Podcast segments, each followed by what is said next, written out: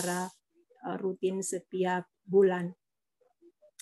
Untuk strategi upaya mendorong ketersediaan data komprehensif, hasilnya itu ada uh, pemerintah memiliki uh, dokumen potret penyandang disabilitas dalam ketenaga kerjaan dan model database komprehensif disabilitas yang siap dikembangkan atau direplikasi. Ada dokumen potret penyandang disabilitas dalam ketenaga kerjaan di Makassar, Bulukumba, dan Toraja Utara yang merupakan hasil kajian awal dari RIH yang dilakukan oleh RIH Indonesia dan uh, eh, NLR Indonesia dan uh, dokumen tersebut uh, Bapak Ibu dapat mengakses di HTTPS atau di website NLR uh, Indonesia. Kemudian uh, adanya format pendataan disabilitas yang telah diuji cobakan di empat kelurahan di Kota Makassar, dua kelurahan di Kabupaten Toraja Utara, dan dua desa di uh, Kabupaten Bulukumba dan juga kami telah melakukan audiensi atau telah diaudiensikan dengan pemerintah lokal.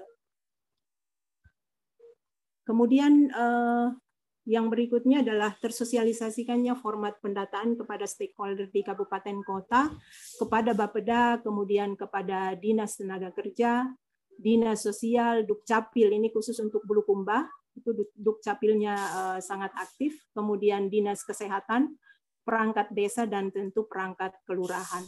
Kemudian kami Kak juga Mia, eh, ya? mohon maaf Kak Mia sekitar dua menit lagi ya Kak. Oke. Okay. Okay. Kemudian uh, juga ada 60 orang kader dari kelurahan dan desa yang dilatih dan menguji cobakan format pendataan yang dikembangkan di uh, enam kelurahan dan dua desa. Dan kemudian uh, adanya data atau tersedianya data yang bisa dipergunakan oleh Dinas Tenaga Kerja baik itu Kota Makassar untuk program menciptakan wirausaha baru bagi penyandang disabilitas dan orang yang pernah mengalami kusta, maupun Dinas Tenaga Kerja Toraja Utara dalam perencanaan program jaring pengaman sosial untuk dua pemodelan, yang pemodelan pertama ketenaga kerjaan bagi orang yang pernah mengalami kusta dan disabilitas yang inklusif atau katalis, katalis itu kami melakukan pendekatan dengan menggunakan pendekatan jalur jalur ganda. Jadi ada pengarus utamaan dan pemberdayaan di setiap tahapan pemodelan ada enam tahapan uh, pemodelan di sini, mulai dari kajian awal itu kami melibatkan penyandang disabilitas dan orang yang pernah mengalami kusta untuk melakukan kajian dan mengidentifikasi juga aktor ketenaga kerjaan dan situasi tenaga kerja di tiga wilayah. Kemudian untuk tahap perekrutan itu eh, mengkampanyekan dan mensosialisasikan tentang program kepada stakeholder termasuk kepada keluarga penyandang disabilitas dan penjangkauan serta seleksi dan perekrutan penyandang disabilitas dan OYPMK yang akan mengikuti program Katalis.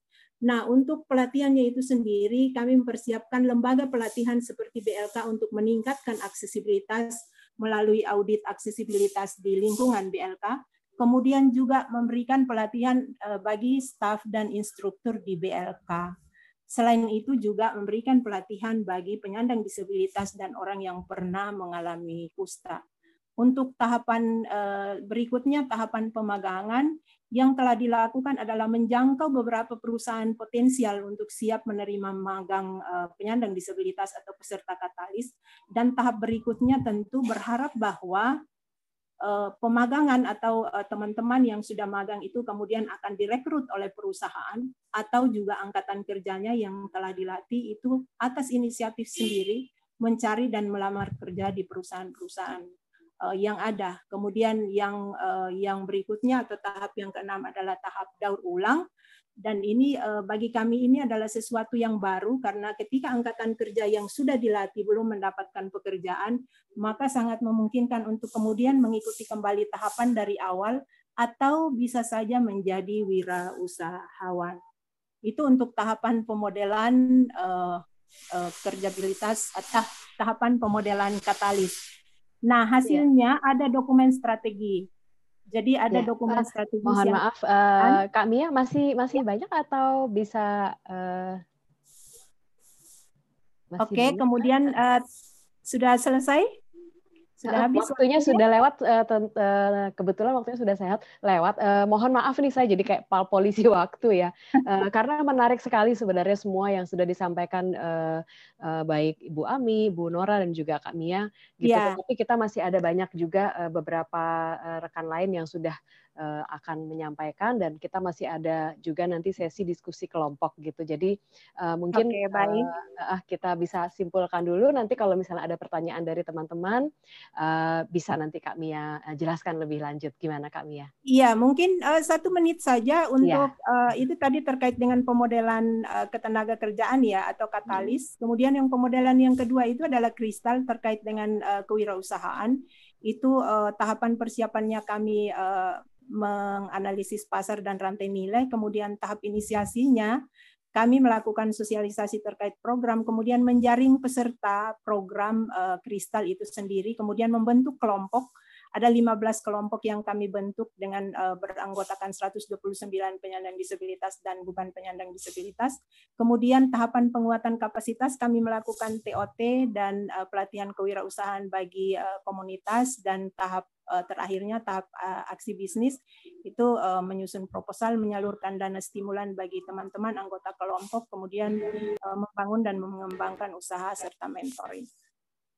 Ya, itu Mbak Chandra.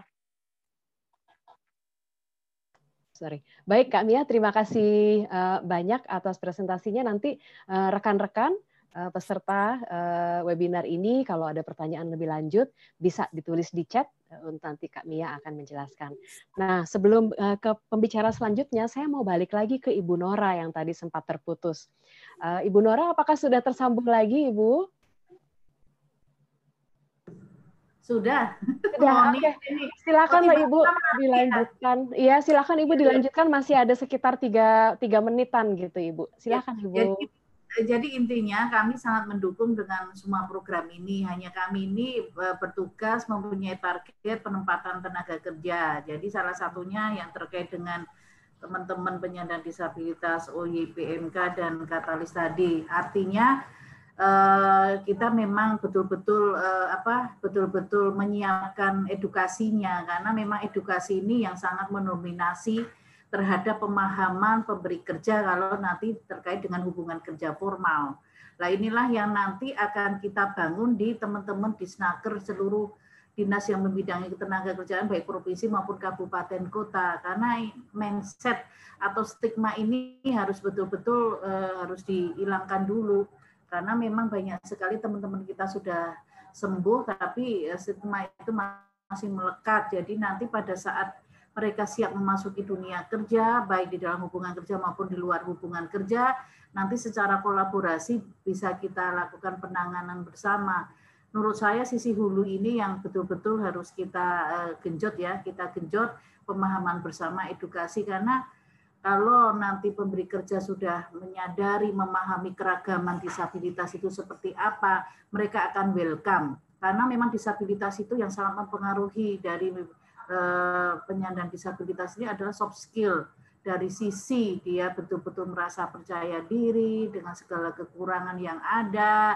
Jadi artinya kita mendorong itu dulu kalau menurut saya. Karena tanpa itu, tanpa edukasi yang komprehensif dari semua lini baik supply maupun demand, penyedia supply maupun demand perusahaan maupun pemangku kepentingan yang lain itu eh, konsep yang bagus seperti apa akan kontraproduktif di lapangan. Mungkin dari saya cukup nanti kita diskusi saja karena sudah Bu Ami dan ini Bu Maria tadi sudah secara komprehensif sudah kita eh, paparan itu. Ya Bu, saya kira kita diskusi aja Bu, karena memang dari sisi tenaga kerjaan itu mempertemukan pencari kerja dan pemberi kerja, pencari kerjanya adalah penyandang disabilitas, gimana caranya mereka bisa siap memasuki dunia kerja, baik di dalam hubungan kerja maupun di luar hubungan kerja. Begitu Bu, terima kasih. Ya, baik. Terima kasih banyak Ibu Nora uh, untuk uh, informasinya. Nanti uh, saya akan coba uh, rangkum satu-satu sedikit demi sedikit, tetapi kemudian uh, kita lanjut dulu ke panelis berikutnya. Saya akan mempersilahkan Ibu Monika Sinta Dewayanti, tim leader untuk CSR dan komunikasi dari PT United Tractors TBK. Silakan Bu Monika. Selamat sore Mbak. Selamat Mbak sore. teman-teman semua. Apa materi saya udah muncul ya? Sudah, sudah, sudah muncul. Oke. Okay.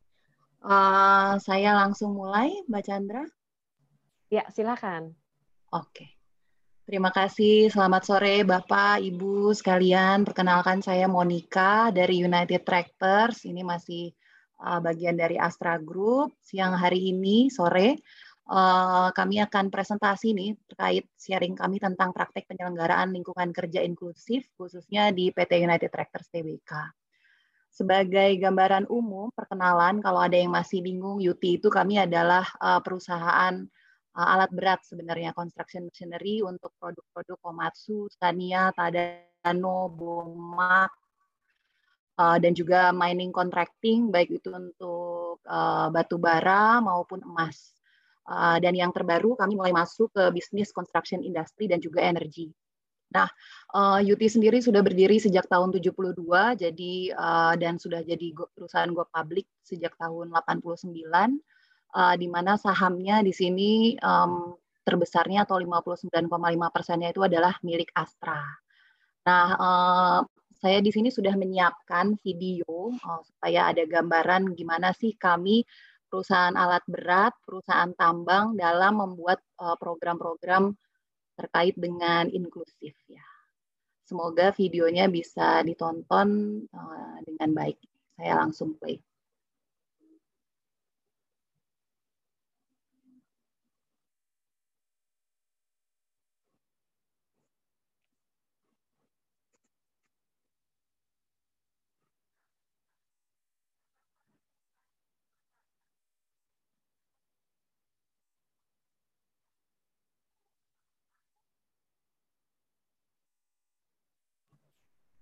Sepertinya suaranya belum keluar ya, Mbak? Oh, di saya udah jelas. Oh, gitu. Uh, di teman lain bagaimana? Atau belum, enggak? Belum muncul. Belum, belum terdengar. Belum terdengar ya? Okay. Oh, belum. Belum terdengar. Kalau videonya nampak nggak ya, Pak? Videonya nampak, uh, tapi belum tanpa, uh, masih tanpa suara. Ya sudah, saya sambil cerita aja ya kali ya. Oke. Okay. Takutnya um, ada kendala. Jadi uh, kami awal mula masuk ke dalam program inklusif itu tahun 2017. Waktu itu ada program uh, yang kami sebut Ayo Inklusif bekerja sama dengan USAID di dalam konsorsium Ayo Inklusif tersebut ada UT, lalu ada CBM, Saujana, Jawa Pos, uh, dan juga uh, Pusat Studi Layanan Disabilitas Brawijaya. Ini kami mengembangkan program mulai dari public awareness sampai dengan uh, pelatihan, training hard skill maupun soft skill untuk teman-teman difabel yang akhirnya kita salurkan uh, di dalam program pemagangan bahkan sampai dengan uh, diserap di pasar tenaga kerja. Ini beberapa perusahaan di dalam UT Group ataupun di luar UT Group yang mengikuti pemagangan ada di UT Sepen Gresik, lalu tadi ada di United Tractor sendiri, baik di Surabaya, dan lalu kita uh, adopsi sampai dengan ke cabang site yang lain, Samarinda, Freeport uh, di daerah Papua, itu kita uh, deploy programnya ke sana. Uh, di sini kalau sekarang yang lagi dilihat ini adalah teman-teman dari rumah kampus yang juga magang di uh, UT HO di Jakarta. Ya, dan ini kemarin terakhir uh, saat penutupan program dengan 50 uh, teman-teman kader progresif kita nyebutnya itu kita lakukan um, graduation ya sebelum akhirnya melepas mereka untuk bersaing di pasar tenaga kerja. Saya lanjut ke materi presentasi saya. Uh, di sini tadi sudah saya jelaskan secara garis besar mengenai apa sih program inklusif yang ada di United Tractors di sebelum kami memulai program kami sudah memetakan kira-kira uh, situasi sekarang seperti apa dan perusahaan ingin masuk um, membawa isu inklusif ke perusahaan ini and in mind-nya apa. Dan uh, yang kami targetkan itu adalah hambatan dalam tubuh teman-teman uh, difabel ditambah dengan lingkungan yang accessible itulah uh, inklusi yang kami target yang kami uh, targetkan. Lalu uh, penetapan program kami melihat dari segi people, method, uh, input dan juga toolsnya sampai akhirnya kita punya uh, masalah utama yang kami di uh, internal UT mendefinisikan uh, bahwa masih rendah skill and knowledge people with disability akibat faktor internal dan juga eksternal. Lalu ada empat program utama yang kami usung Yang pertama tentang kapasitas building itu sendiri dari uh, teman-teman difabel, ada rangkaian program. Ini programnya ada yang gabung dengan Ayo Inklusif, uh, seperti Youth Camp, Soft Skill Training, Youth Driven Activity, dan ada yang sampai sekarang masih kami lanjutkan saat uh, konsorsium tersebut sudah selesai gitu ya, proyeknya sudah selesai. Seperti hard skill training, internship itu masih terus kita lakukan. Eh, lalu yang kedua strategi partnership. Jadi kalau hanya mengandalkan kekuatan UT, daya serap kami itu ada seberapa sih? Pasti kurang kan. Sehingga kita perlu ada partnership uh, mulai dari private sektor yang lain. Di UT Group sendiri perusahaan ada sekitar 50. Tentu kita memanfaatkan uh, di dalam UT Group dan Astra Group itu sendiri Uh, mulai dari kegiatan-kegiatannya ada communication forum, lalu kita juga bekerja bersama dengan BLK uh, di BBRV di Cibinong, uh, lalu di Samarinda, dan juga di beberapa SLB di seluruh Indonesia.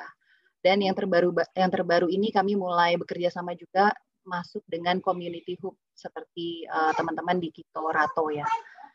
Uh, yang ketiga public awareness. Uh, jadi memang ini penting juga untuk uh, menyampaikan praktek-praktek baik yang sudah dilakukan di perusahaan bukan hanya di UP tapi di Astra Group dan juga perusahaan umum lainnya uh, waktu itu kita menggan, uh, bekerja sama dengan teman-teman Jawa Pos dan sampai sekarang masih berlanjut uh, kita lebih ke awareness di Astra Group itu sendiri.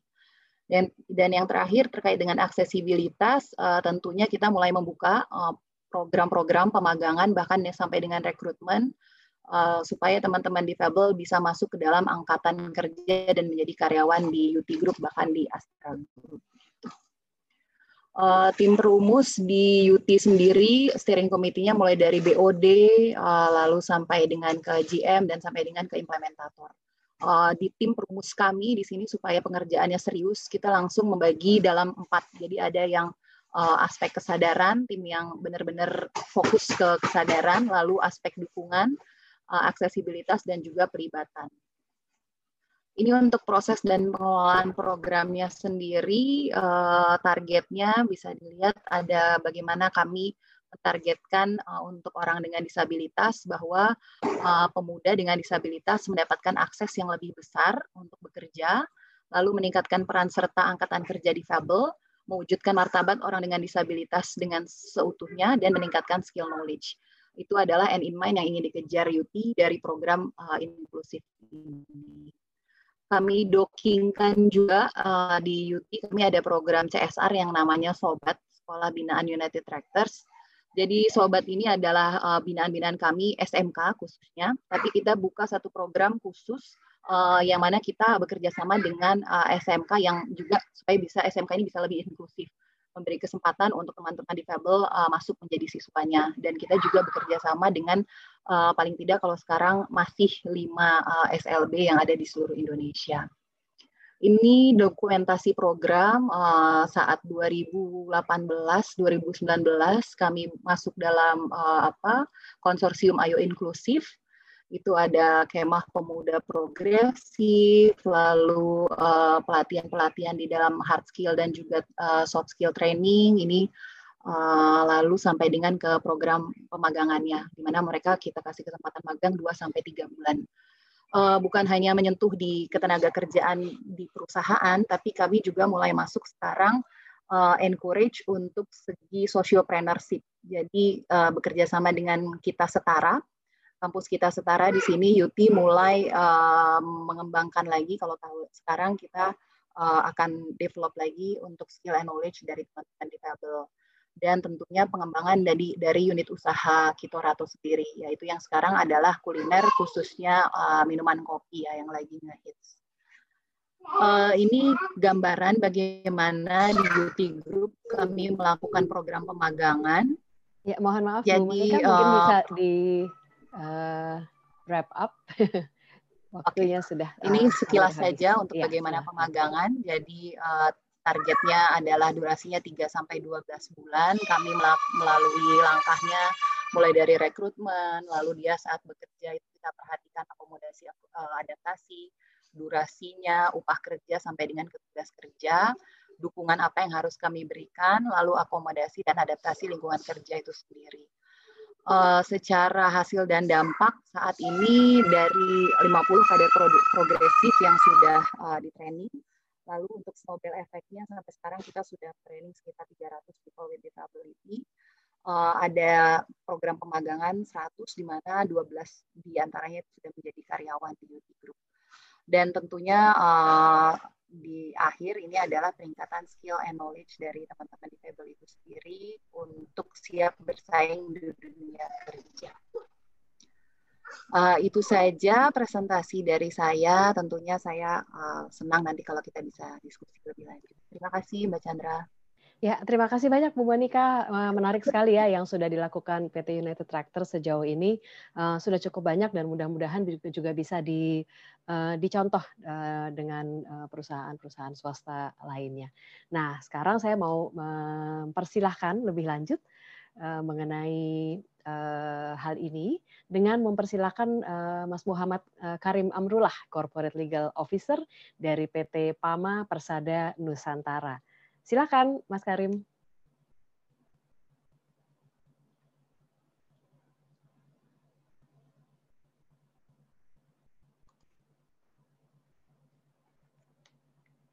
Apakah bisa di unmute? Sudah di unmute atau? Mohon maaf atas nama siapa?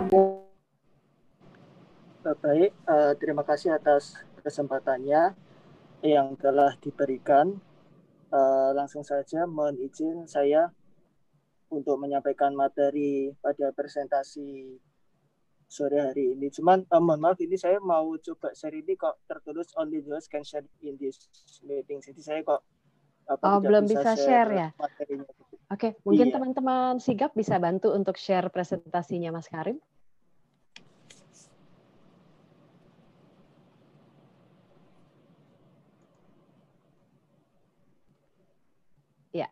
Oke. Sudah. Uh, uh, langsung ke uh, next saja. Iya, di sini uh, karena kebetulan saya uh, bergonya uh, dari Fakultas Hukum, jadi saya ingin uh, menjelaskan sedikit bagaimana sih pemahaman uh, perlindungan uh, disabilitas sesuai Undang-Undang Disabilitas. Kita melihat pada konstitusi itu sudah jelas ada dasarnya kemudian di undang-undang disabilitas uh, terutama terkait, ketenaga kerjanya bahwa di pasal 11 itu kita sebagai disabilitas berhak untuk memperoleh pekerjaan uh, untuk penghidupan yang layak. Kemudian pasal 53 terkait kuota BUMN, BUMD 2% dan swasta 1%. Nah, yang jadi pertanyaan sekarang bagaimana uh, terkait pemahaman ini apakah diakomodir atau justru uh, tidak ada di Undang-Undang Cipta Kerja. Next.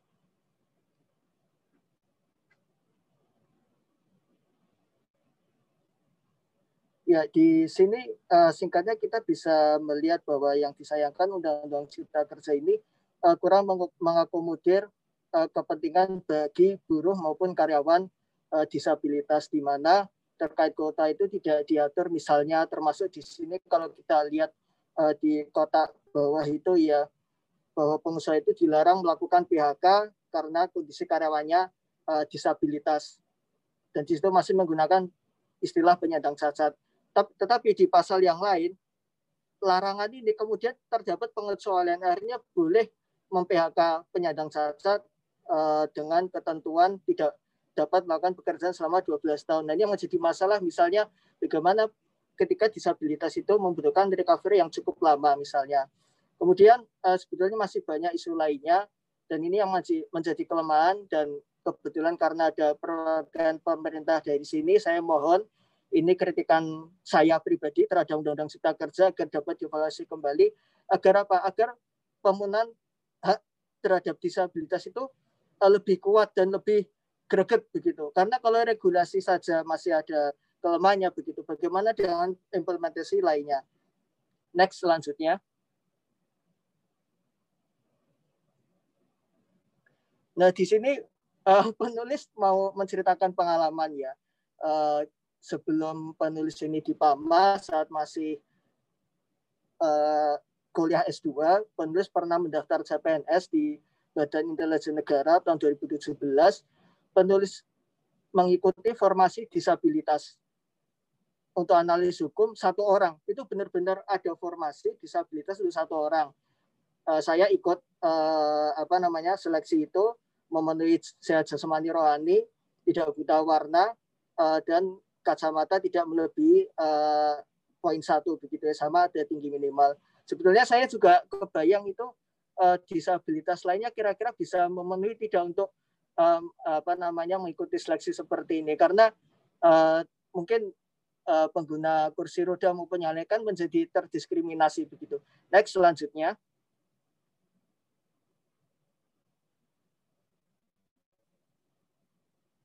Nah, di sini pada akhirnya uh, waktu itu penulis uh, berhasil ya meng, uh, apa namanya ikut seleksi masuk SKD kompetensi dasar kemudian ikut SKB. Nah di SKB inilah uh, penulis juga mengikuti seleksi sama seperti lainnya. Ada apa lari lapangan, sit up, tetapi ada ujian lainnya seperti push up, pull up itu panitia mengatakan bahwa penulis uh, saya sebagai disabilitas tidak perlu ikut gitu karena ini formasi disabilitas waktu itu oke saya tidak ikut gitu tapi untuk lainnya lari keliling lapangan itu saya memenuhi. Sit up saya memenuhi. Itu satu menit itu saya ingat betul. Sit up itu 22 kali. Apa cium lutut kiri kanan kiri kanan jadian seperti itu dalam satu menit. Kemudian ada lari berputar juga. Nah next selanjutnya. Tetapi yang uh, disayangkan, ini saya tampilkan apa namanya uh, file PDF untuk pengumuman seleksinya ya, bahwa Eh, ternyata penulis ini uh, tidak lolos syarat fisik. Padahal penulis mendaftar formasi disabilitas begitu. Ini kan suatu yang uh, apa namanya yang lucu. Kebetulan memang penulis tidak lulus uh, tes psikologi itu, oke okay lah itu memang apa namanya uh, berarti uh, penulis masih harus banyak belajar. Tetapi menjadi suatu hal yang lucu, penulis mengikuti formasi disabilitas, tetapi tidak lulus syarat fisik. Ini kan menjadi menjadi satu pertanyaan yang aneh bagi penulis dan tidak konsekuen. Ketika Anda membuka formasi disabilitas, seharusnya Anda itu konsekuen untuk meng, uh, apa namanya kompetensi-kompetensi atau syarat-syarat yang ada itu disesuaikan dengan kondisi disabilitas tersebut. Lah lantas untuk apa dibuka formasi disabilitas kalau memang uh, apa namanya saya harus mengikuti uh, kompetensi seperti orang uh, dalam tanda kutip normal pada umumnya begitu. Ini kan apa ya harus menjadi evaluasi lah bagi pemerintah. Ketika mau buka formasi disabilitas, kondisikan syarat dan seleksi kompetensinya. Next slide. Uh, slide selanjutnya, mohon maaf. Mohon maaf, uh, sinyal. Bagaimana? Mohon maaf, uh, coba kami Oh ya, sini iya. sudah mulai muncul lagi. Iya, slide selanjutnya. Nah, di sini mungkin uh, perlu evaluasi baik bagi pemerintah, BUMN maupun swasta ketika mereka membuka formasi bagi disabilitas, uh, kita lihat dulu apakah lingkungan pekerjaannya itu memungkinkan bagi disabilitas untuk bekerja. Mungkin saja pada waktu itu karena lingkungan pekerjaan intelijen mungkin saya mungkin ya saya juga kurang tahu harus membutuhkan fisik yang ekstra. Mungkin kalau saya jadi intel itu akan kelihatan jadi nggak bisa menyamar gitu misalnya atau nggak bisa berantem.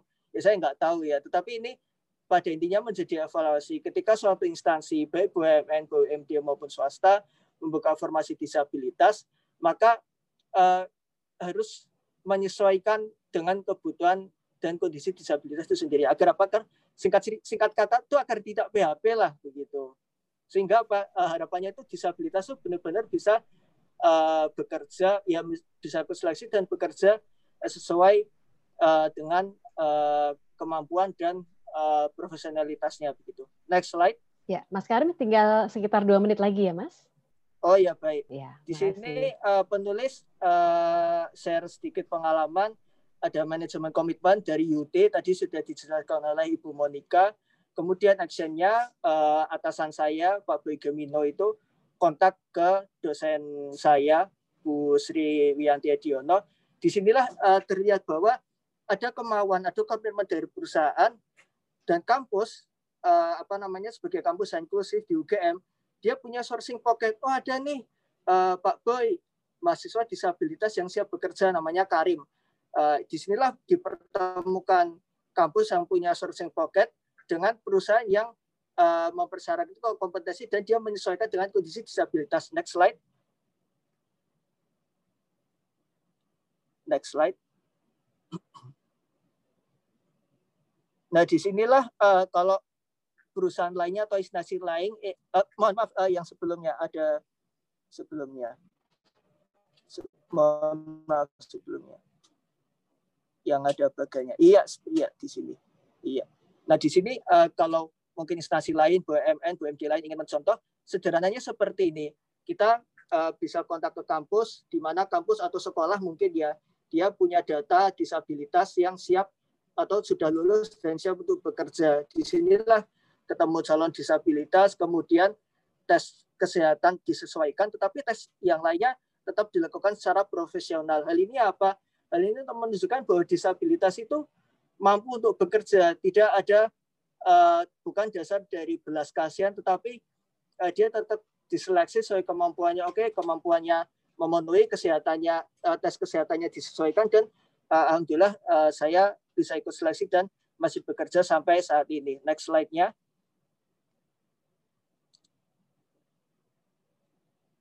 Nah, di sini penulis ingin berbagi pengalaman juga.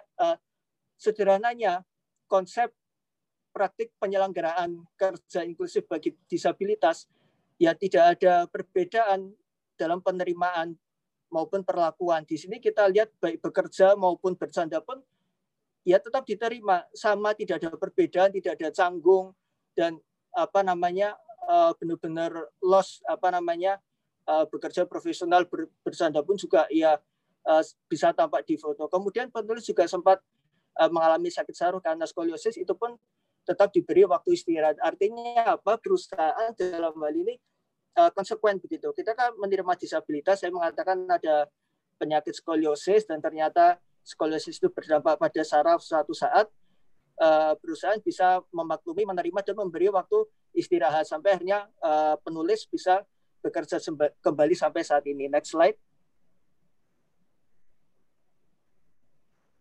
Nah ini uh, mungkin uh, sedikit uh, apa tantangannya ada. Mungkin langsung lanjut aja karena waktunya sudah uh, apa namanya sudah uh, apa namanya sudah selesai. Mungkin uh, apa namanya itu dulu mohon maaf ternyata waktunya uh, melebihi waktu saya kembalikan kepada uh, uh, MC demikian ya. terima kasih dari saya Baik, terima kasih banyak Mas Karim. menarik sekali apa pengalamannya ya. Dan kita juga sama-sama bersyukur akhirnya ber, berakhir baik gitu ya. walaupun awalnya mungkin ada ada beberapa halangan gitu ya dan mentok ada sempat sempat mentok begitu ya tetapi kemudian ada jalan akhirnya oke kita tadi sudah mendengarkan pembicara-pembicara kita dari dari Bu Ami tadi ada yang menarik ada ter terkait uh, tren pekerjaan masa depan yang kita semua perlu tahu gitu ya. Uh, di antaranya revolusi teknologi, revolusi keahlian, kemudian adanya perubahan budaya, perubahan demografi dan juga perubahan iklim yang perlu kita uh, pikirkan bersama dan kita coba atasi bersama. Kemudian dari Ibu Nora uh, tadi saya tertarik juga dengan uh, apa yang disampaikan dalam uh, kaitannya perluasan uh, kesempatan kerja yang dibagi dua menjadi dalam hubungan kerja dan di luar hubungan kerja. Di mana dalam hubungan kerja adalah kolaborasi antara perusahaan atau pemberi kerja dengan memberikan pelatihan dan kesempatan kerja. Sementara untuk di luar hubungan kerja itu adalah program tenaga kerja mandiri atau kewirausahaan serta program padat karya produktif dan uh, padat karya infrastruktur begitu. Kemudian tadi ada juga dari um, Kak Mia. Kak Mia tadi me menjelaskan mengenai programnya ya, program LIP uh, di mana uh, di sini ada satu yang uh, menurut saya juga sangat penting buat teman-teman. Tidak hanya dukungan, tentunya dukungan kebijakan dan dukungan program pemerintah sangat-sangat penting. Dukungan dari pelaku usaha juga sangat-sangat penting. Tetapi yang tadi Kak Mia sebutkan, dukungan keluarga dari si penyandang disabilitas atau OYPMK itu sendiri juga sangat penting untuk membuatnya bisa maju, termotivasi dan semangat untuk mencari pekerjaan dan bekerja. Kemudian juga tadi disebutkan adanya database yang sangat diperlukan, yang lengkap, dan tadi Kak Mia juga menjelaskan strategi-strategi yang sudah dikembangkan untuk membuat ketenaga kerjaan yang inklusif. Sementara Ibu Monika tadi menjelaskan Eh, program-program United Tractors yang uh, sudah banyak sekali di berbagai kota. Ada kader progresifnya pun sudah puluhan yang yang sudah lulus begitu ya. Dan uh, saya rasa di sini di PT United Tractors me, apa ya namanya memfokuskan pada hambatan tubuh dan lingkungan yang aksesibel. Nah, mungkin ada tambahan lagi nih untuk teman-teman yang Eh, disabilitas mental dan disabilitas intelektual, bagaimana apakah mereka kemudian eh, ada juga kesempatan untuk eh, menjadi tenaga kerja di pasar-pasar tenaga kerja kita, ini menjadi salah satu yang perlu kita pikirkan bersama juga. Dan terakhir ada Mas Karim tadi yang sudah menceritakan pengalamannya untuk untuk dari mulai apa namanya daftar kerja, melamar, mengikuti tes dan sebagainya sampai akhirnya sekarang sudah bisa bekerja dengan uh, tim yang sangat mendukung uh, Mas Karim di kesehariannya. Oke, sekarang kita akan memasuki sesi tanya jawab. Saya sudah lihat ada beberapa pertanyaan dalam kolom chat yang sudah dikumpulkan juga oleh teman-teman dari panitia. Dan untuk memulainya, nih sebelum kita eh, saya mempersilahkan para panelis untuk menjawab pertanyaan satu persatu, saya ingin mempersilahkan ada seorang di antara kita, seorang angkatan kerja disabilitas dari Makassar eh, yang akan menyampaikan testimoni. Untuk itu saya mengundang Mas Akbar Sumitro. Mas Akbar Sumitro sudah hadir ya saat ini bekerja sebagai Recovery Area Officer Sulawesi di Maybank cabang Kajau Lilado Makassar. Silakan Mas Akbar untuk berbagi pengalamannya dengan teman-teman di sini. Halo, selamat sore teman-teman sekalian. Selamat sore. Ya, perkenalkan saya Akbar Sumitro. Maaf, uh, saya tidak terlalu uh, ikut dengar tadi beberapa uh, percakapan dari teman-teman karena itu sekalian saya juga sama di YouTube saya. Uh, saya Akbar Sumitro Makassar. Saya sekarang bekerja di uh, Maybank Lido. Bagian saya recovery asset management. Saya adalah penyandang disabilitas penyebab Bagian mata kanan saya Halo, bagian mata kanan saya mengalami uh, diangkat pas kecelakaan di tahun 2012. Iya. Ya, saya melanjutkan kuliah saya di Universitas Hasanuddin Makassar dengan mengambil prodi ilmu pemerintahan. Lepas dari situ, uh, saya mendaftar di Maybank untuk bagian small medium enterprise. Adapun kendala-kendala yang saya temui di teman-teman dan masyarakat tentang kurangnya pemahaman mereka bahwa menganggap disabilitas itu uh, tidak bisa untuk bekerja. Saya sempat banyak mengalami penolakan-penolakan dari keluarga, dari teman-teman, dari tempat-tempat kerja saya sebelumnya, dan saya uh, merasa uh, bahwa saya itu juga bisa untuk uh, meningkatkan uh, potensi saya makanya saya mencoba untuk uh, terus bekerja keras memberitahu orang luar bahwa penyandang disabilitas punya ruang untuk bisa berkarya demi uh, uh, Indonesia yang lebih maju.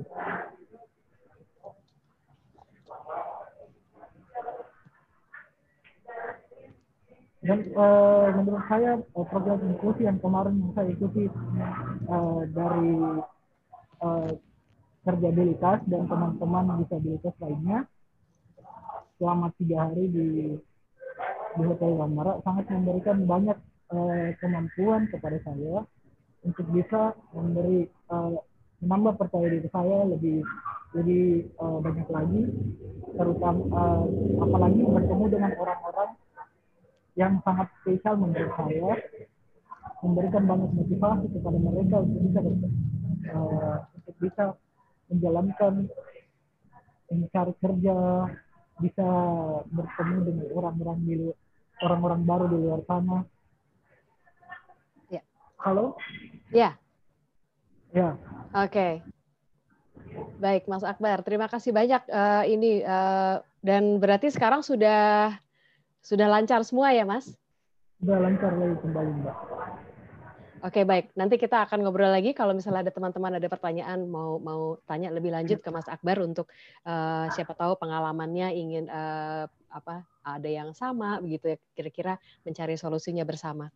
Saya akan masuk ke dalam uh, sesi tanya jawab sekarang ini. Ini ada beberapa nih mungkin saya uh, mulai ke Ibu Bu Ami dan Bu Nora ya. Uh, Bu Ami dulu mungkin ya.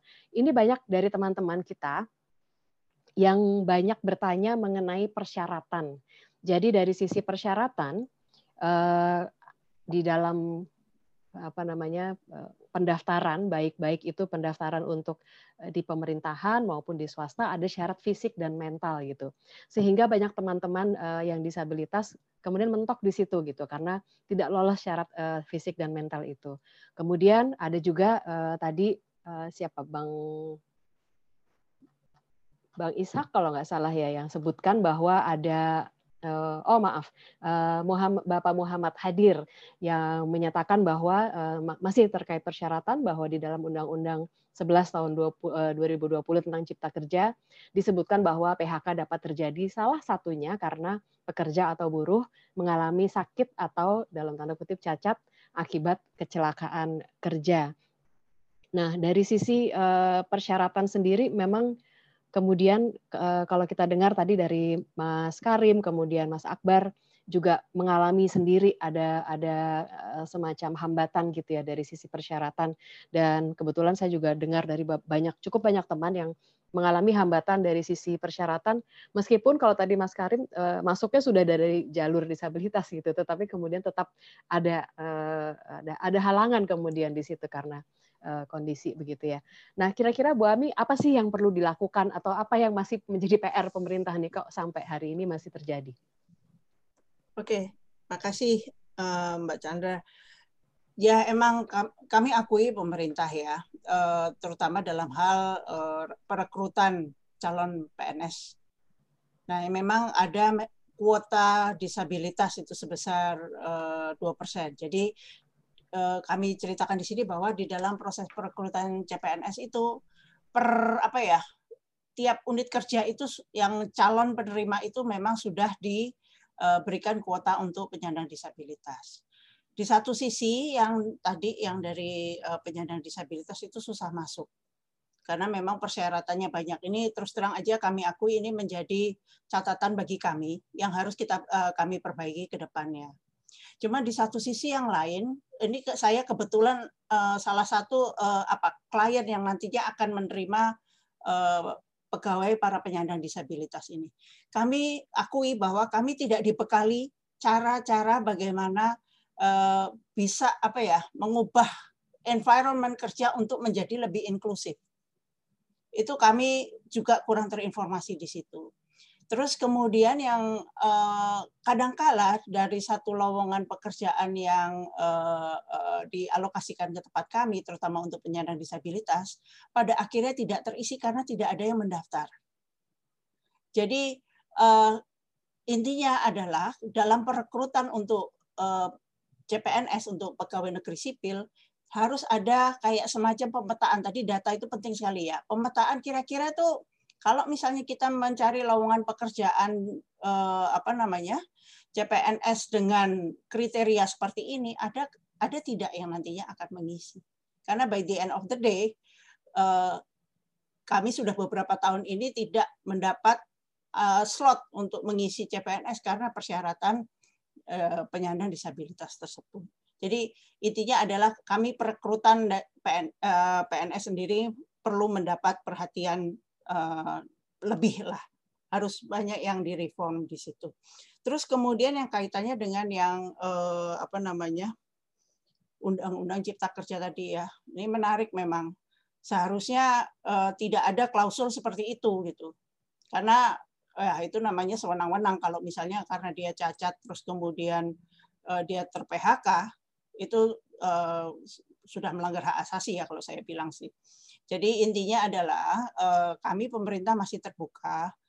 Eh, kalau misalnya undang-undang cipta kerja ini ada perlu beberapa perbaikan dan nanti uh, kami juga minta kepada seluruh pihak juga memberikan masukan kepada kami terkait dengan aturan turunannya itu. Nah, bagaimana caranya supaya apa namanya undang-undang uh, klausul yang tercantum di dalam undang-undang cipta kerja itu lebih teroperasionalisasikan di dalam aturan turunannya. Jadi uh, nanti kalau misalnya ada diskusi itu, insya Allah pemerintah akan mengajak semua pihak untuk uh, memberikan masukan di situ. Kira-kira itu tanggapan saya, uh, Pak Chandra. Oke. Okay. Uh, ada satu lagi nih Bu Ami sebelum mm -hmm. uh, terkait ULD. Nah, yang mm. baru uh, baru kemarin mm -hmm. uh, mengenai bagaimana op optimalisasi. Nah, bisa Bu bisa Bu Ami, bisa Bu Nora nih uh, optimalisasi uh, untuk uh, peraturan pemerintah nomor 60 tahun 2020 tentang ULD. Um, seberapa siapkah sebenarnya kementerian? Nah, bisa di, di, dijawab dari pihak Bappenas ataupun dari Kemenaker uh, dalam mendirikan ULD gitu dan untuk dan menjalankan mandat-mandatnya gitu. Seberapa siapnya sih? Saya langsung saja ke Bu Nora ya, lebih uh, lebih objektif. lebih objektif. Oke, okay, saya yang baik, menjawab. silakan. Oke, okay, silakan, silakan Bu Nora. Terima kasih Bu Ami.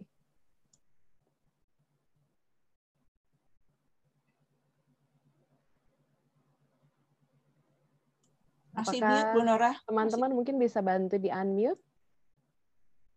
Atau sudah? Kelihatan masih di mute ya, Bu.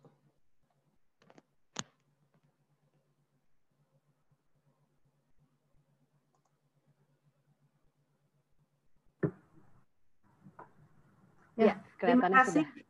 Okay. Terima kasih. Jadi saya setuju dengan penjelasan Bu Ami. Sebetulnya jelas nggak boleh lah namanya persyaratan diskriminasi jelas nggak boleh. Hanya saja makanya tadi saya sampaikan terkait dengan teman-teman disabilitas itu yang terpenting itu di sisi hulu edukasi.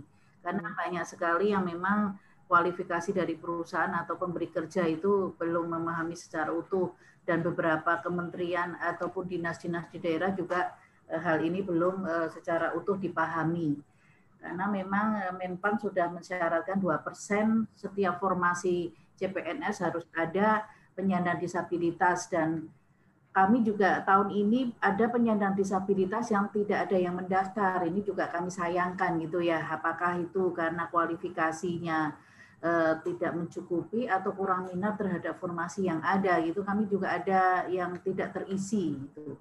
Itu yang pertama. Terus yang kedua terkait unit layanan disabilitas bidang ketenaga kerjaan ini sebetulnya unit itu sudah ada di seluruh dinas yang membidangi ketenaga kerjaan baik provinsi maupun kabupaten kota. ULD bidang ketenaga kerjaan ini sifatnya memperkuat fungsi, fungsi penguatan fungsi yang ada di dinas ketenaga kerjaan di daerah.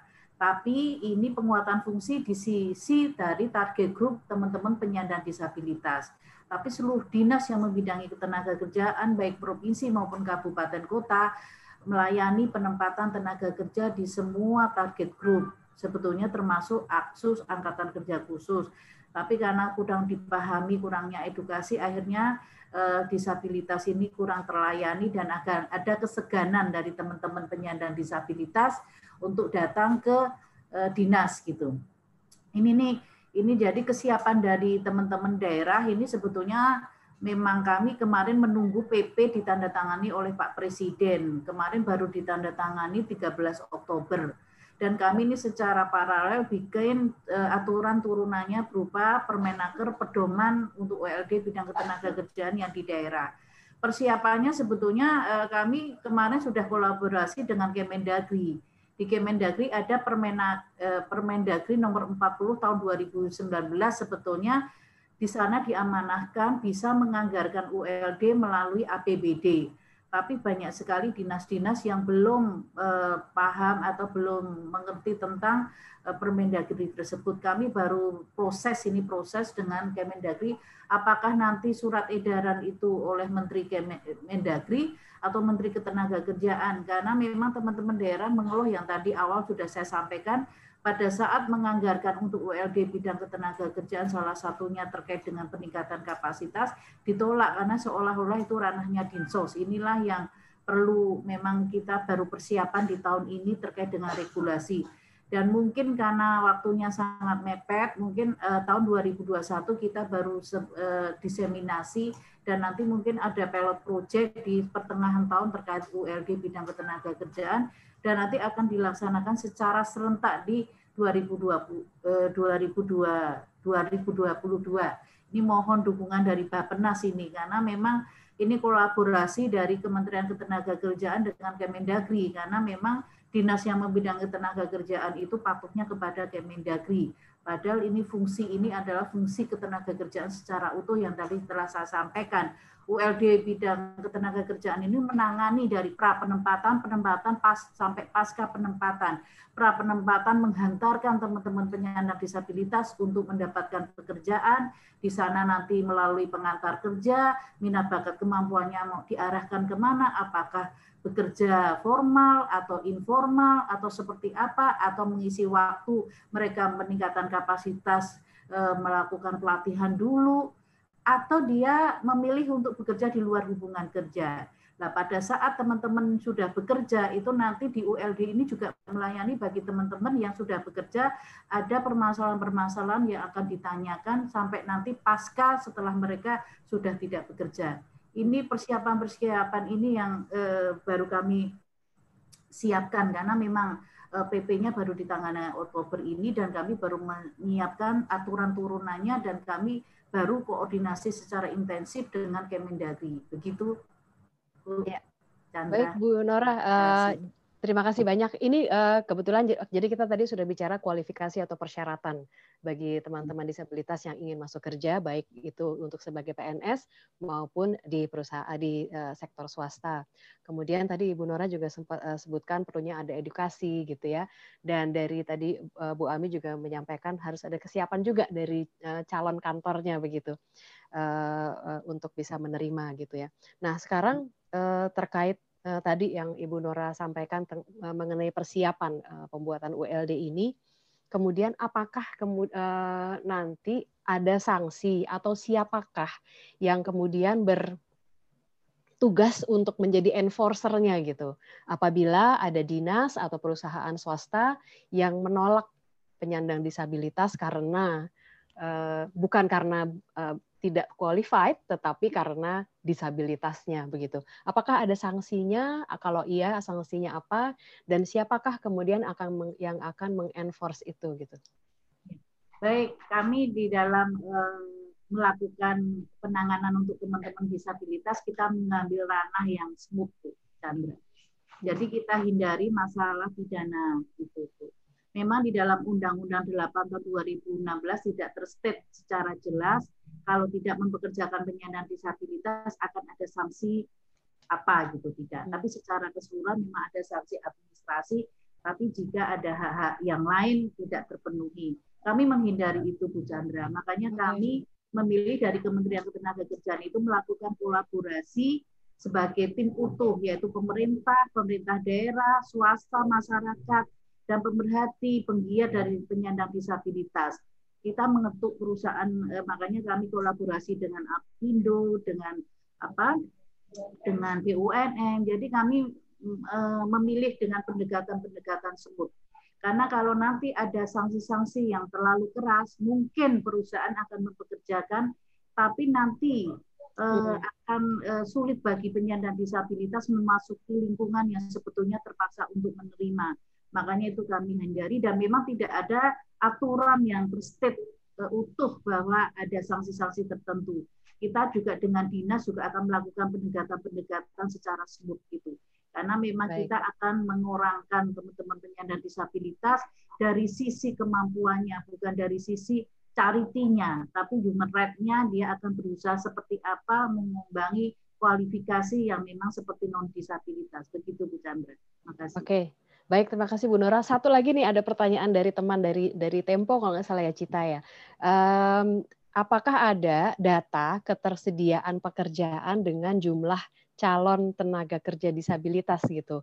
Uh, kita menanyakan prosentase antara ketersediaan pekerjaannya, lapangan kerjanya dengan jumlah calon tenaga kerja disabilitas. Ada datanya nggak ya Bu ya?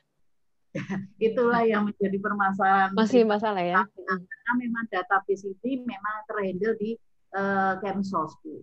Nah memang kami kami memang secara database tidak karena di Kemsos itu ada kartu disabilitas ya Bu ya.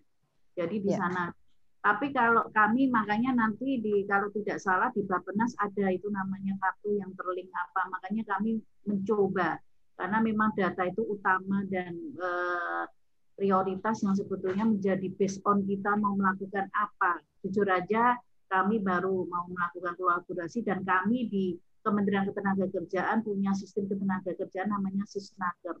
Mungkin pelan-pelan akan kita linkkan dan nanti teman-teman penyandang disabilitas bisa buka sisnaker Bu di sana. Jadi okay. di sana ada pelatihan apa, lowongan-lowongan apa yang mereka bisa masuk gitu. Di sisnaker kementerian nanti akan kita coba untuk menelingkan. Gitu. Terima kasih. Baik, terima kasih banyak Bu Nora untuk uh, jawabannya. Mudah-mudahan teman-teman uh, uh, cukup uh, ini ya ter terjawab ya yang yang ditanyakan. Uh, ada pertanyaan untuk Ibu Monika nih. Uh, Bu Monika, uh, ada teman bertanya posisi apa saja sih yang sudah ada Eh, di sana di, di perusahaan ibu. Kemudian uh, untuk penyandang disabilitas dan kualifikasinya apa gitu. Penyandang uh, dis, ragam disabilitasnya apa dan kualifikasinya apa. Dan pelibatan penyandang disabilitas dalam uh, apa namanya? dalam kegiatan-kegiatan yang tadi sudah dilakukan itu uh, melibatkan ragam disabilitas apa saja. Silakan Bu Monika.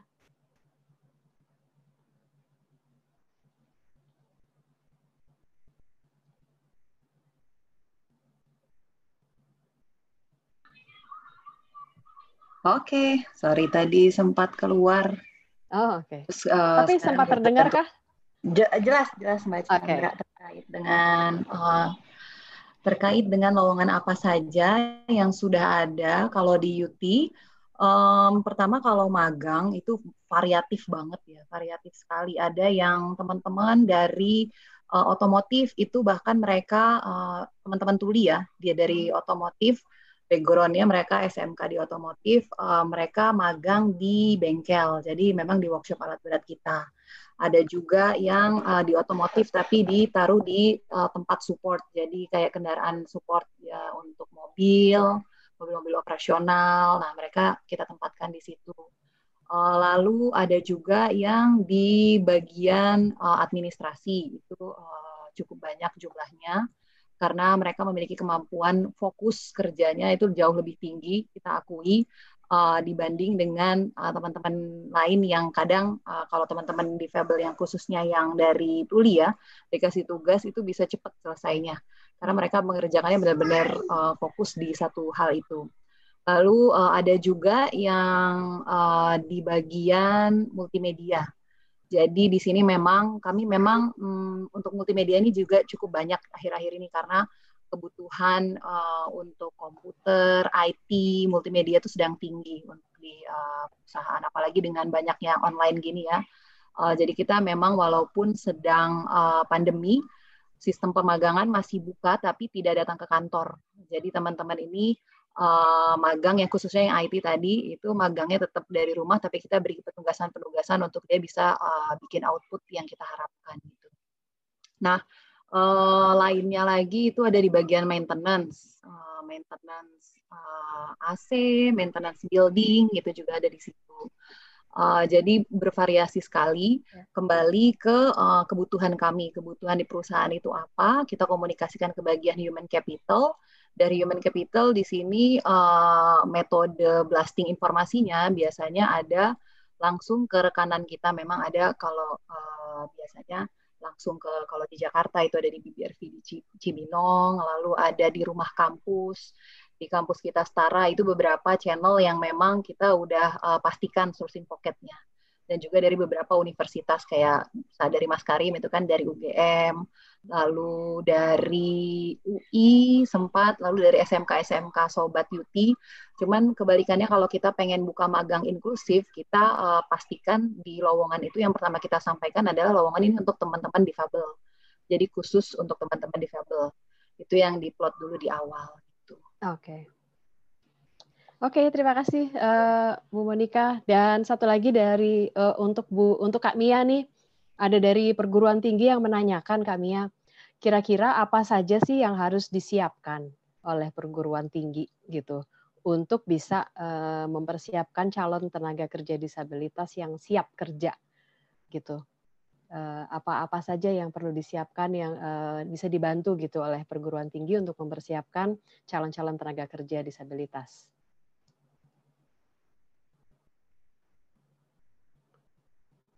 Kak Mia masih hadir?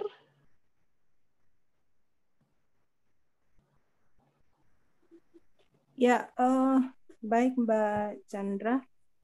Ya, makasih banyak. Jadi kalau untuk uh, perguruan uh, perguruan tinggi uh, itu sebetulnya uh, pada prinsipnya sama ya dengan ketika kita berbicara uh, misalnya mendorong lembaga penyelenggara pelatihan agar bisa inklusif disabilitas. Jadi yang pertama tentunya adalah bagaimana mempersiapkan lingkungan uh, di perguruan tinggi itu yang ramah uh, bagi penyandang disabilitas. Ramah di sini dalam arti bahwa aksesibilitas sarana prasarananya itu kemudian uh, itu apa Eh, bisa memudahkan semua eh, mahasiswa atau semua penyandang disabilitas, semua ragam, baik itu ragam disabilitas fisik, netra maupun uh, uh, apa sensorik maupun uh, intelektual dan uh, ragam lainnya mental. Hmm. Kemudian yang kedua tentunya adalah uh, mempersiapkan sumber daya yang bisa uh, apa memberikan atau dalam proses belajar mengajarnya itu juga uh, inklusif uh, atau bisa memfasilitasi uh, penyandang disabilitas semua ragam uh, itu kemudian uh, juga uh, tentu uh, ada dukungan dari uh, mempersiapkan mahasiswa-mahasiswa lain untuk juga memberikan dukungan bagi uh, penyandang disabilitas yang menjadi uh, apa mahasiswa di perguruan tinggi. Jadi ada dukungan dari mahasiswa kepada mahasiswa penyandang uh, disabilitas. Itu di antaranya, tapi uh, juga uh, perlu ditunjang dengan uh, kebijakan internal, kebijakan kelembagaan yang memang uh, membuka ruang bagi penyandang disabilitas untuk bisa uh, menjadi uh, mahasiswa atau bisa menjadi uh, juga tenaga-tenaga administrasi lainnya di perguruan tinggi. Ya, seperti itu Mbak ya. Chandra. Ya. Ya, baik terima kasih Kak Mia untuk untuk jawabannya. Dan saya rasa ini sudah waktunya untuk kita memasuki sesi selanjutnya dari acara ini. Jadi masih akan bisa berdiskusi kelompok lagi selanjutnya dengan dengan para fasilitator. Um, kita belum berhenti ya tentunya uh, karena masih ada diskusi kelompok masih bisa dieksplor karena ada beberapa pertanyaan yang memang tadi belum sempat kita tanyakan juga karena keterbatasan waktu dan mungkin bisa dieksplor dalam uh, diskusi kelompok tadi. Untuk itu saya mempersilahkan Mbak Rahmiatun untuk uh, menyampaikan pengantar teknis diskusi sekaligus membuat membagi kelompoknya dan memperkenalkan para fasilitator yang tentunya sudah tidak asing lagi nih para fasilitatornya untuk kita semua. Mbak Rahmi, silakan. Iya, Mbak Chandra. Uh, saat ini kita akan sebentar lagi akan breakout room. Uh, panitia akan membagi para peserta ke dalam tiga kelompok.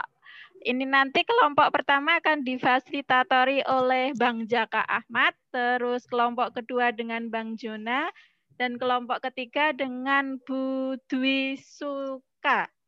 Eh, mohon, apakah kau sudah siap dengan breakout room-nya? Insya Allah sudah siap. Mohon menunggu sebentar, nanti akan akan ada pemberitahuan untuk join breakout room. Mbak Rahmi mau tanya untuk Bu Ami, Bu Nora, eh, dan Mbak apa Kak Mia, eh, Bu Monika segala itu bagaimana? Apakah ikut atau bagaimana? Gimana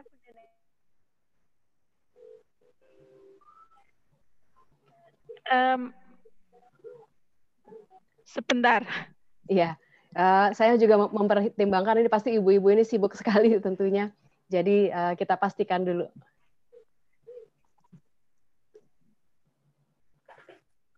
Atau Bu Ami dan Bu Nora bagaimana waktunya?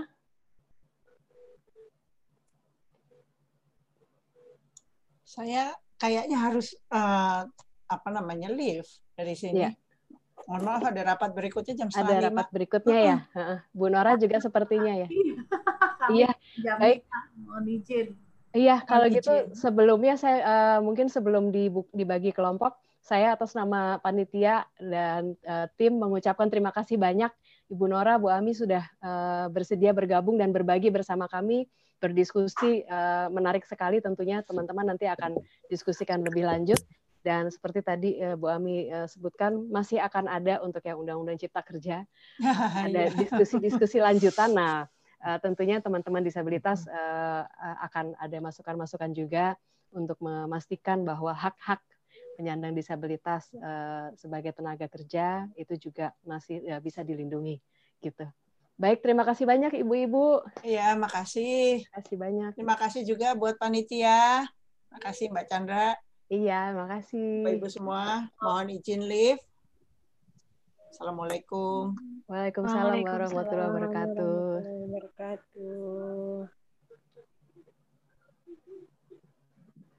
Silakan Bu Mbak Rahmi, dilanjut. Uh, uh, mohon ditunggu sebentar karena sedang proses. Sebentar lagi mungkin akan keluar uh, join breakout room di Zoom meeting masing-masing. Silahkan nanti join aja atau nunggu otomatis juga bisa.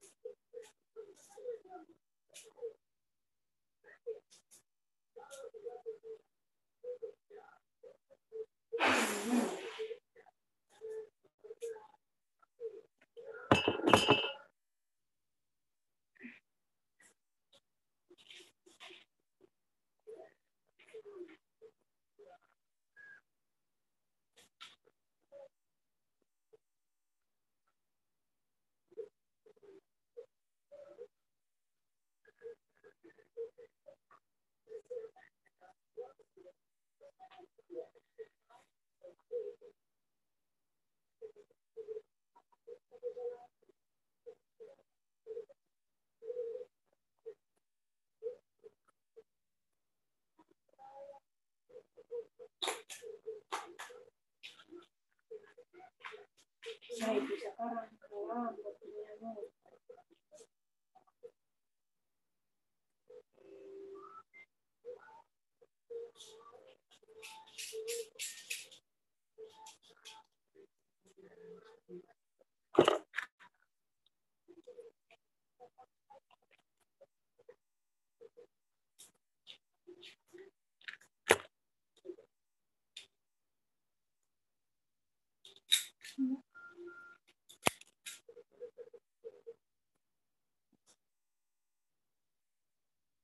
keluar co-host uh, has asked you to start your video.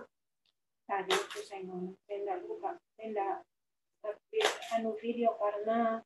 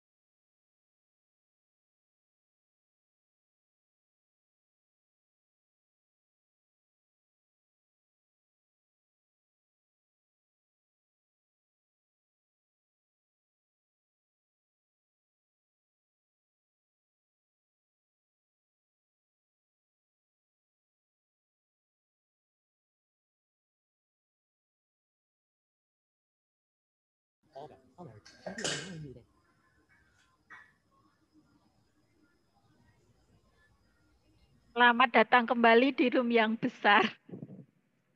Untuk sesi breakout room sudah selesai. Wah, diskusiku belum selesai.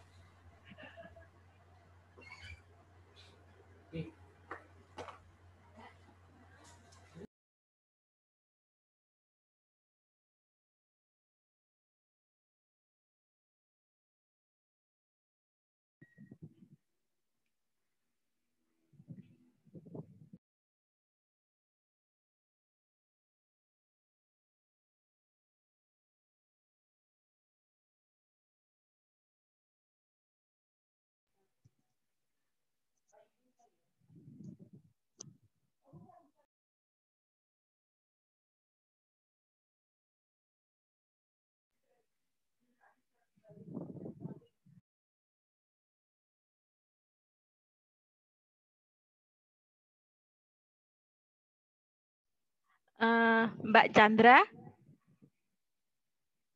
Halo Mbak Chandra. Iya.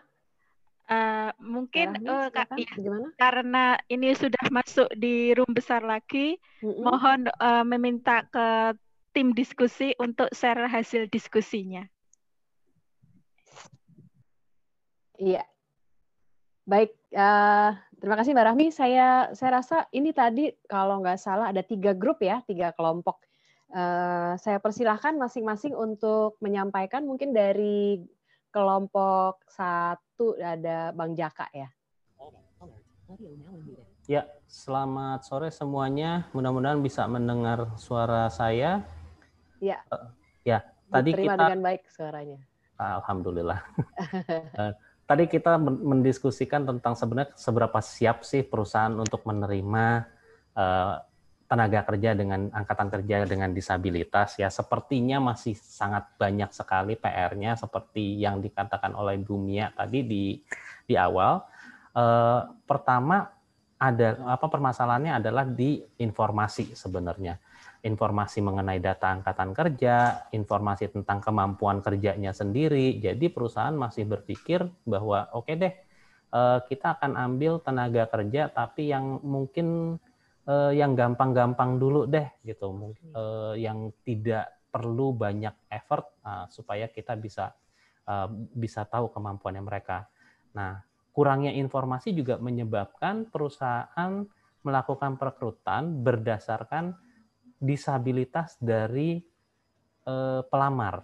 Jadi kategorinya itu justru merujuk kepada disabilitasnya, bukan kepada kemampuannya. Jadi mereka belum percaya nih kalau misalnya ada tunanetra yang mungkin bisa eh, apa namanya eh, bisa menjadi eh, PR officer misalnya, ada teman tuli yang bisa jadi accounting. Nah mereka belum belum serat, belum sepenuhnya percaya. Mereka masih percaya dengan stereotip yang ada bahwa mungkin eh, teman-teman uh, tuli uh, bisanya adalah kerja-kerja yang kasar katakanlah gitu ya. Uh, sementara teman-teman daksa mungkin baru mereka yang bisa bekerja di belakang meja. Jadi informasinya masih sangat simpang siur sekali. Nah, untuk untuk meluruskan informasi seperti ini, sebenarnya salah satu strategi yang bisa dilakukan adalah dengan pemagangan seperti yang dilakukan oleh United Tractors. Karena dengan pemagangan sebenarnya kedua belah pihak bisa belajar. Teman-teman dengan disabilitas bisa belajar bagaimana suasana kerja dan mereka juga bisa mengetahui skill seperti apa sih yang benar-benar dibutuhkan dalam uh, dalam dunia kerja di sisi lain, perusahaan juga bisa benar-benar belajar bahwa oh ternyata tidak sesulit tidak sesulit itu untuk mempekerjakan orang dengan disabilitas selama mereka mempekerjakan sesuai dengan kemampuan dari mereka. Mungkin itu yang bisa saya sampaikan, Mbak Chandra. Terima kasih. Oke, baik. Terima kasih, Bang Jaka. Saya mau lanjut ke kelompok berikutnya. Bang Jona, silakan Bang Jona. Bagaimana hasil diskusinya tadi?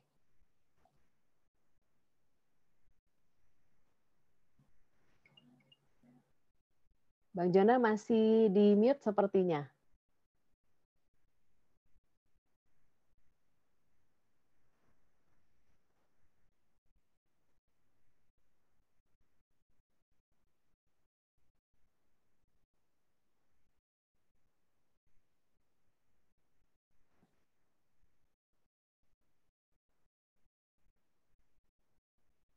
Ya. Bang di mute Mungkin bisa dibantu. Kang Jona, apakah bisa mendengar?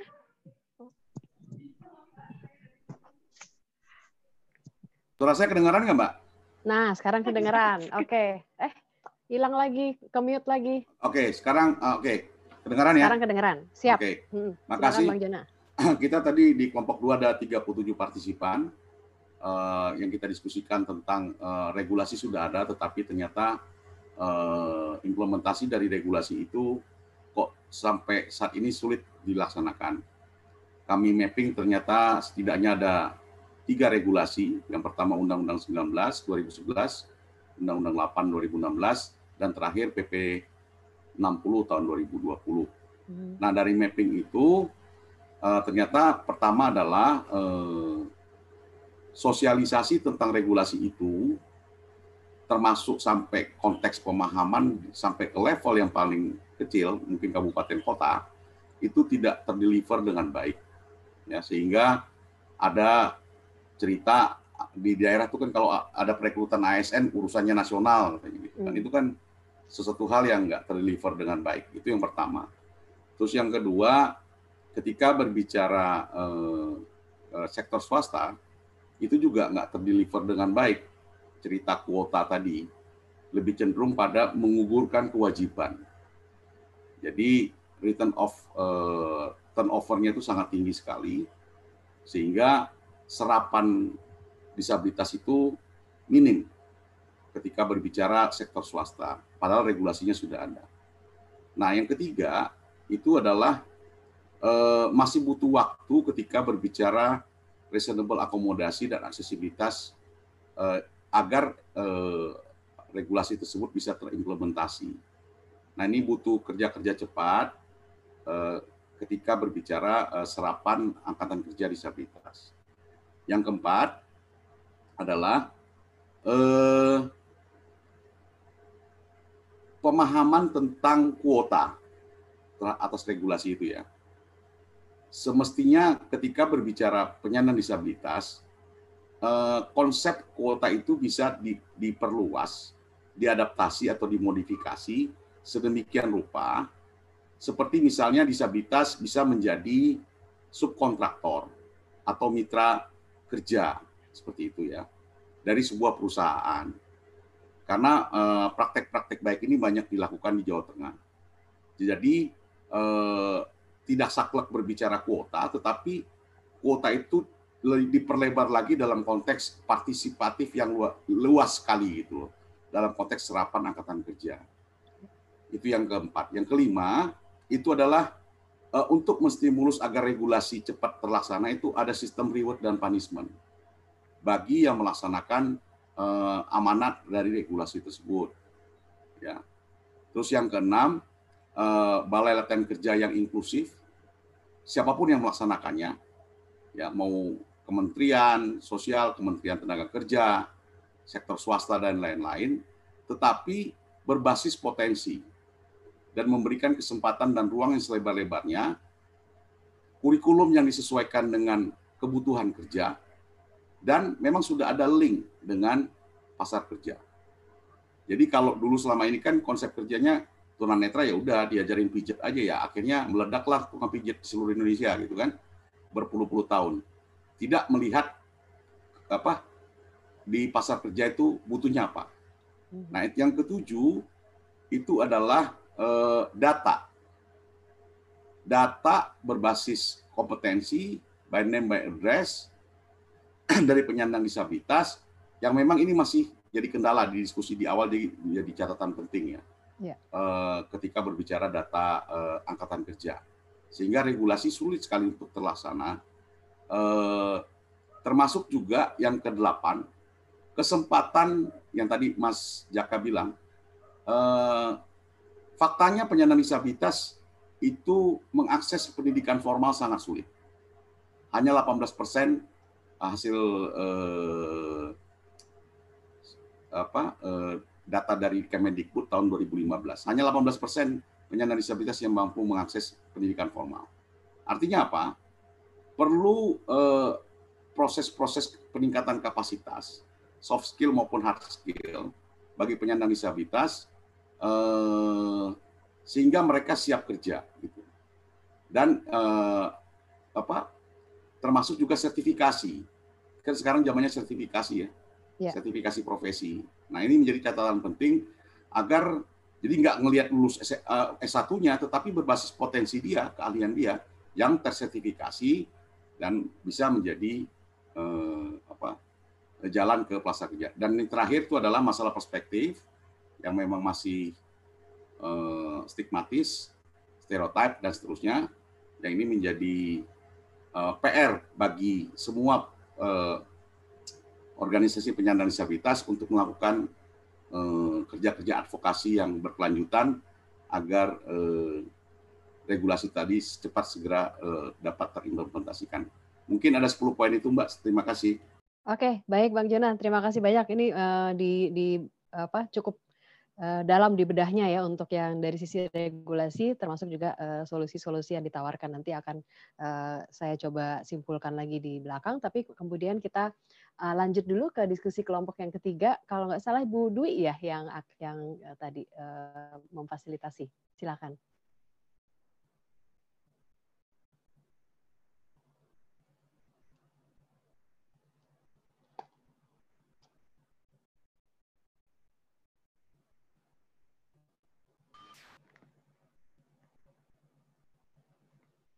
Ya, Ibu Dwi silakan.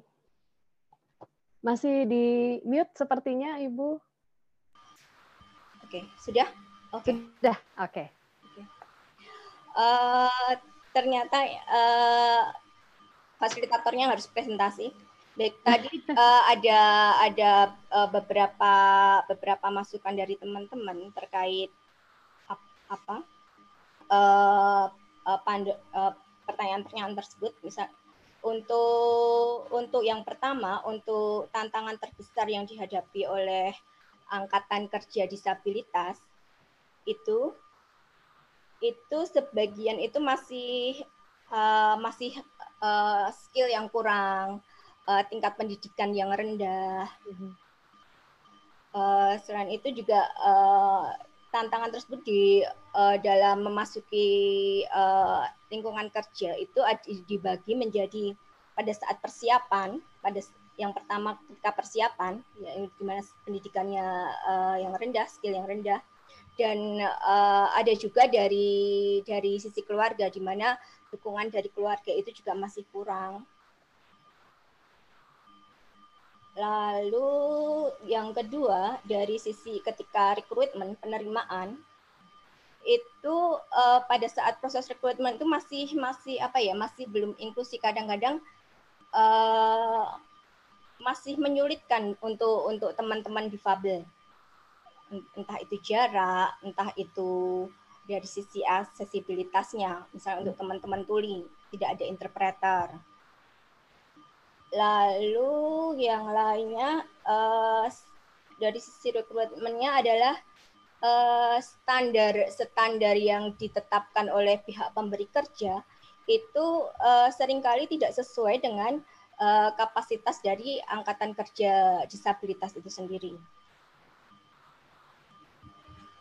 Itu juga tentang syarat syaratnya itu masih uh, ini masih masih menjadi masalah sejak dahulu kala ya tentang yeah. Ya. uh, penyertaan syarat uh, jasmani sehat jasmani rohani yang ini selalu menjadi momok bagi teman-teman difabel.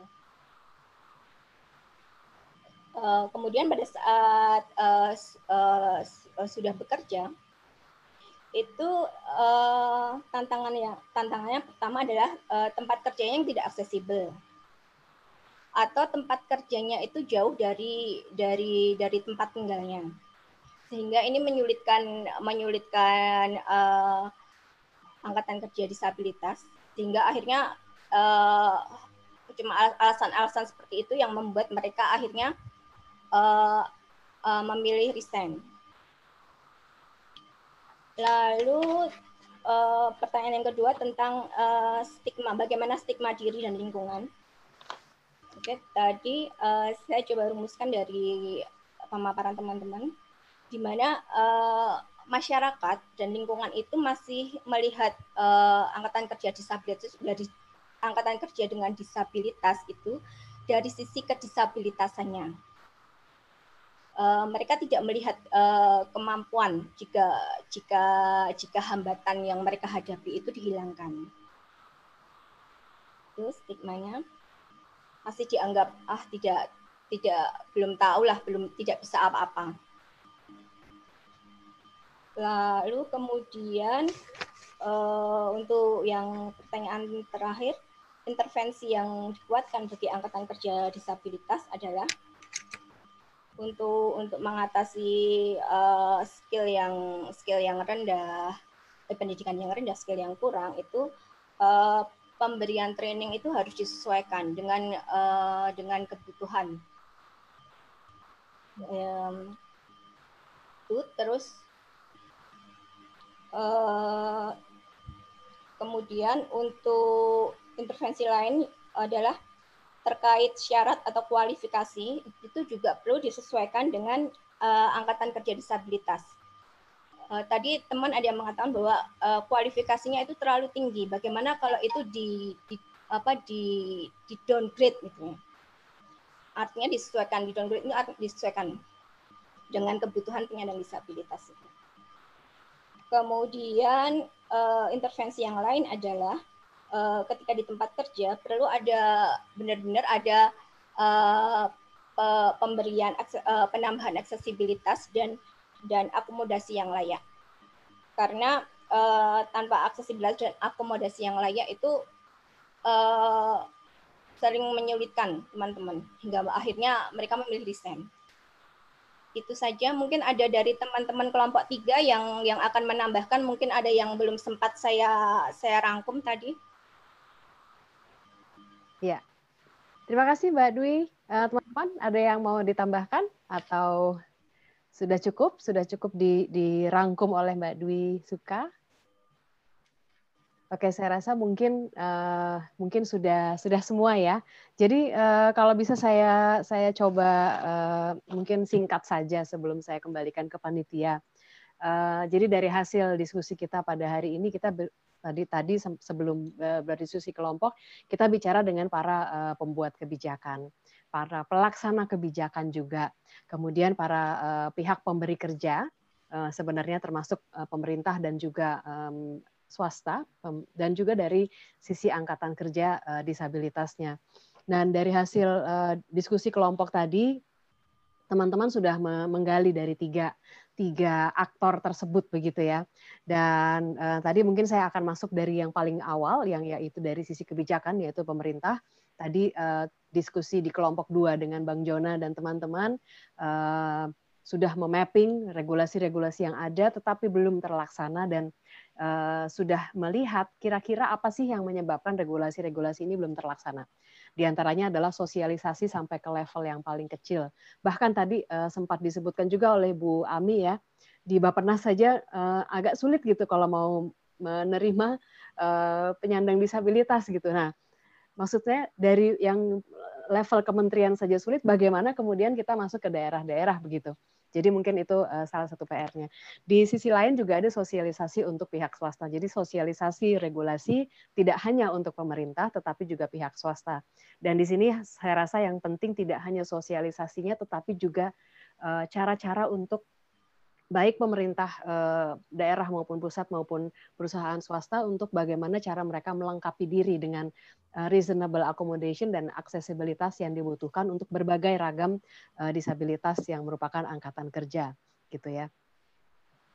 Kemudian kuota tadi menarik juga Bang Jona dan teman-teman pemahaman kuota atas regulasi juga jangan sempit, jangan bahwa hanya menjadi masuk ke dalam perusahaan itu atau menjadi PNS di di direktorat itu itu tetapi juga uh, bagaimana dengan partnership dengan eh, pihak-pihak lain seperti subkontraktor, mitra-mitra dan dan seterusnya itu juga mesti membuka kemungkinan gitu. Karena ada kemungkinan teman-teman disabilitas ada yang punya perusahaan consulting sendiri gitu misalnya sebagai konsultan.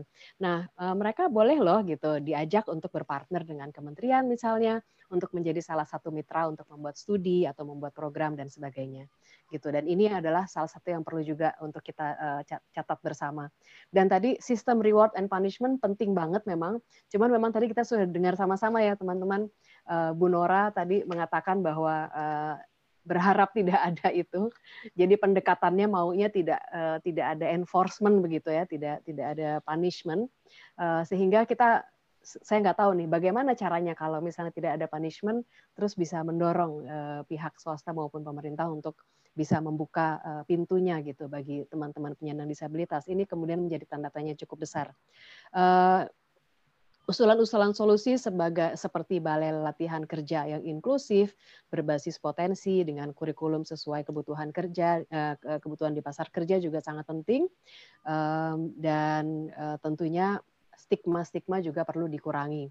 Dan kemudian dari sisi uh, swasta, dari kelompok satu dari Bang Jaka tadi, um, persiapan tadi menyoroti persiapan swasta ini masih yang gampang-gampang aja. Nah inilah kemudian butuhnya kita mundur lagi ke diskusinya uh, Bang Jona tadi bahwa sosialisasi harus sampai ke pihak swasta juga, uh, termasuk bagaimana cara mereka mempersiapkan diri. Sehingga yang uh, diterima bukan hanya yang atau misalnya kesiapan mereka bukan hanya yang dalam tanda kutip gampang-gampang tetapi bisa menyeluruh gitu ke semua ragam penyandang disabilitas.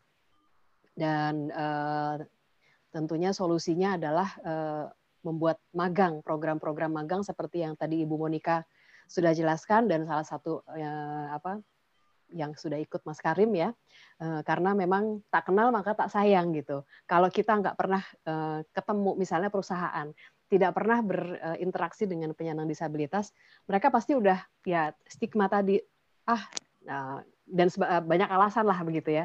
Tapi kemudian penyandang disabilitas juga ketika masuk dia khawatir juga nanti saya nggak bisa ini, nanti saya nggak ada akses ini dan itu gitu ya.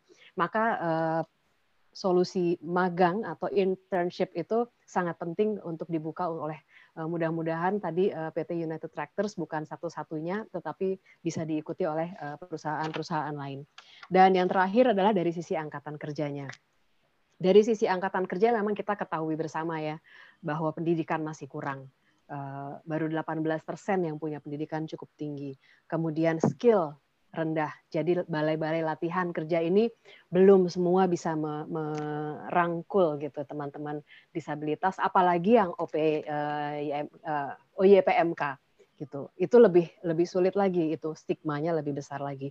Kemudian yang tadi sempat Kak Mia sebutkan juga dukungan keluarga. Tadi uh, Mbak Dwi juga sebutkan ya di di dalam diskusi kelompok tiga uh, muncul juga nih dukungan keluarga yang penting untuk membuat si uh, penyandang disabilitas yang merupakan angkatan kerja ini semangat untuk terus maju, untuk terus berusaha sehingga dia bisa mendapatkan kerja uh, pekerjaan. Dan uh, kemudian hal-hal yang dihadapi oleh penyandang disabilitas di antaranya persyaratan rekrutmen yang belum inklusif ini balik lagi ke regulasi yang perlu dibenahi termasuk Undang-Undang Cipta Kerja dan kemudian teman-teman dari kelompok tiga tadi mengatakan perlu juga Eh, training sesuai kebutuhan dan penambahan eh, reasonable accommodation dan akses. Saya rasa ini menjadi tambahan dari yang uh, sudah di apa di usulkan oleh uh, Bang Jaka dan kawan-kawan yaitu membuat internship. Jadi perlu ada internship dengan perusahaan, perlu ada training uh, yang sesuai dengan kebutuhan dan tadi juga uh, sebenarnya mirip ya dengan Bang Jona dan kawan-kawan ada balai latihan kerja inklusif berbasis potensi dengan kurikulum yang sesuai dengan kebutuhan pasar kerja. Jadi ini yang penting nih sebenarnya. Latihan kerja skill apa skill capacity gitu ya untuk untuk peningkat skill building atau capacity building itu harus sesuai dengan kebutuhan pasar kerja gitu.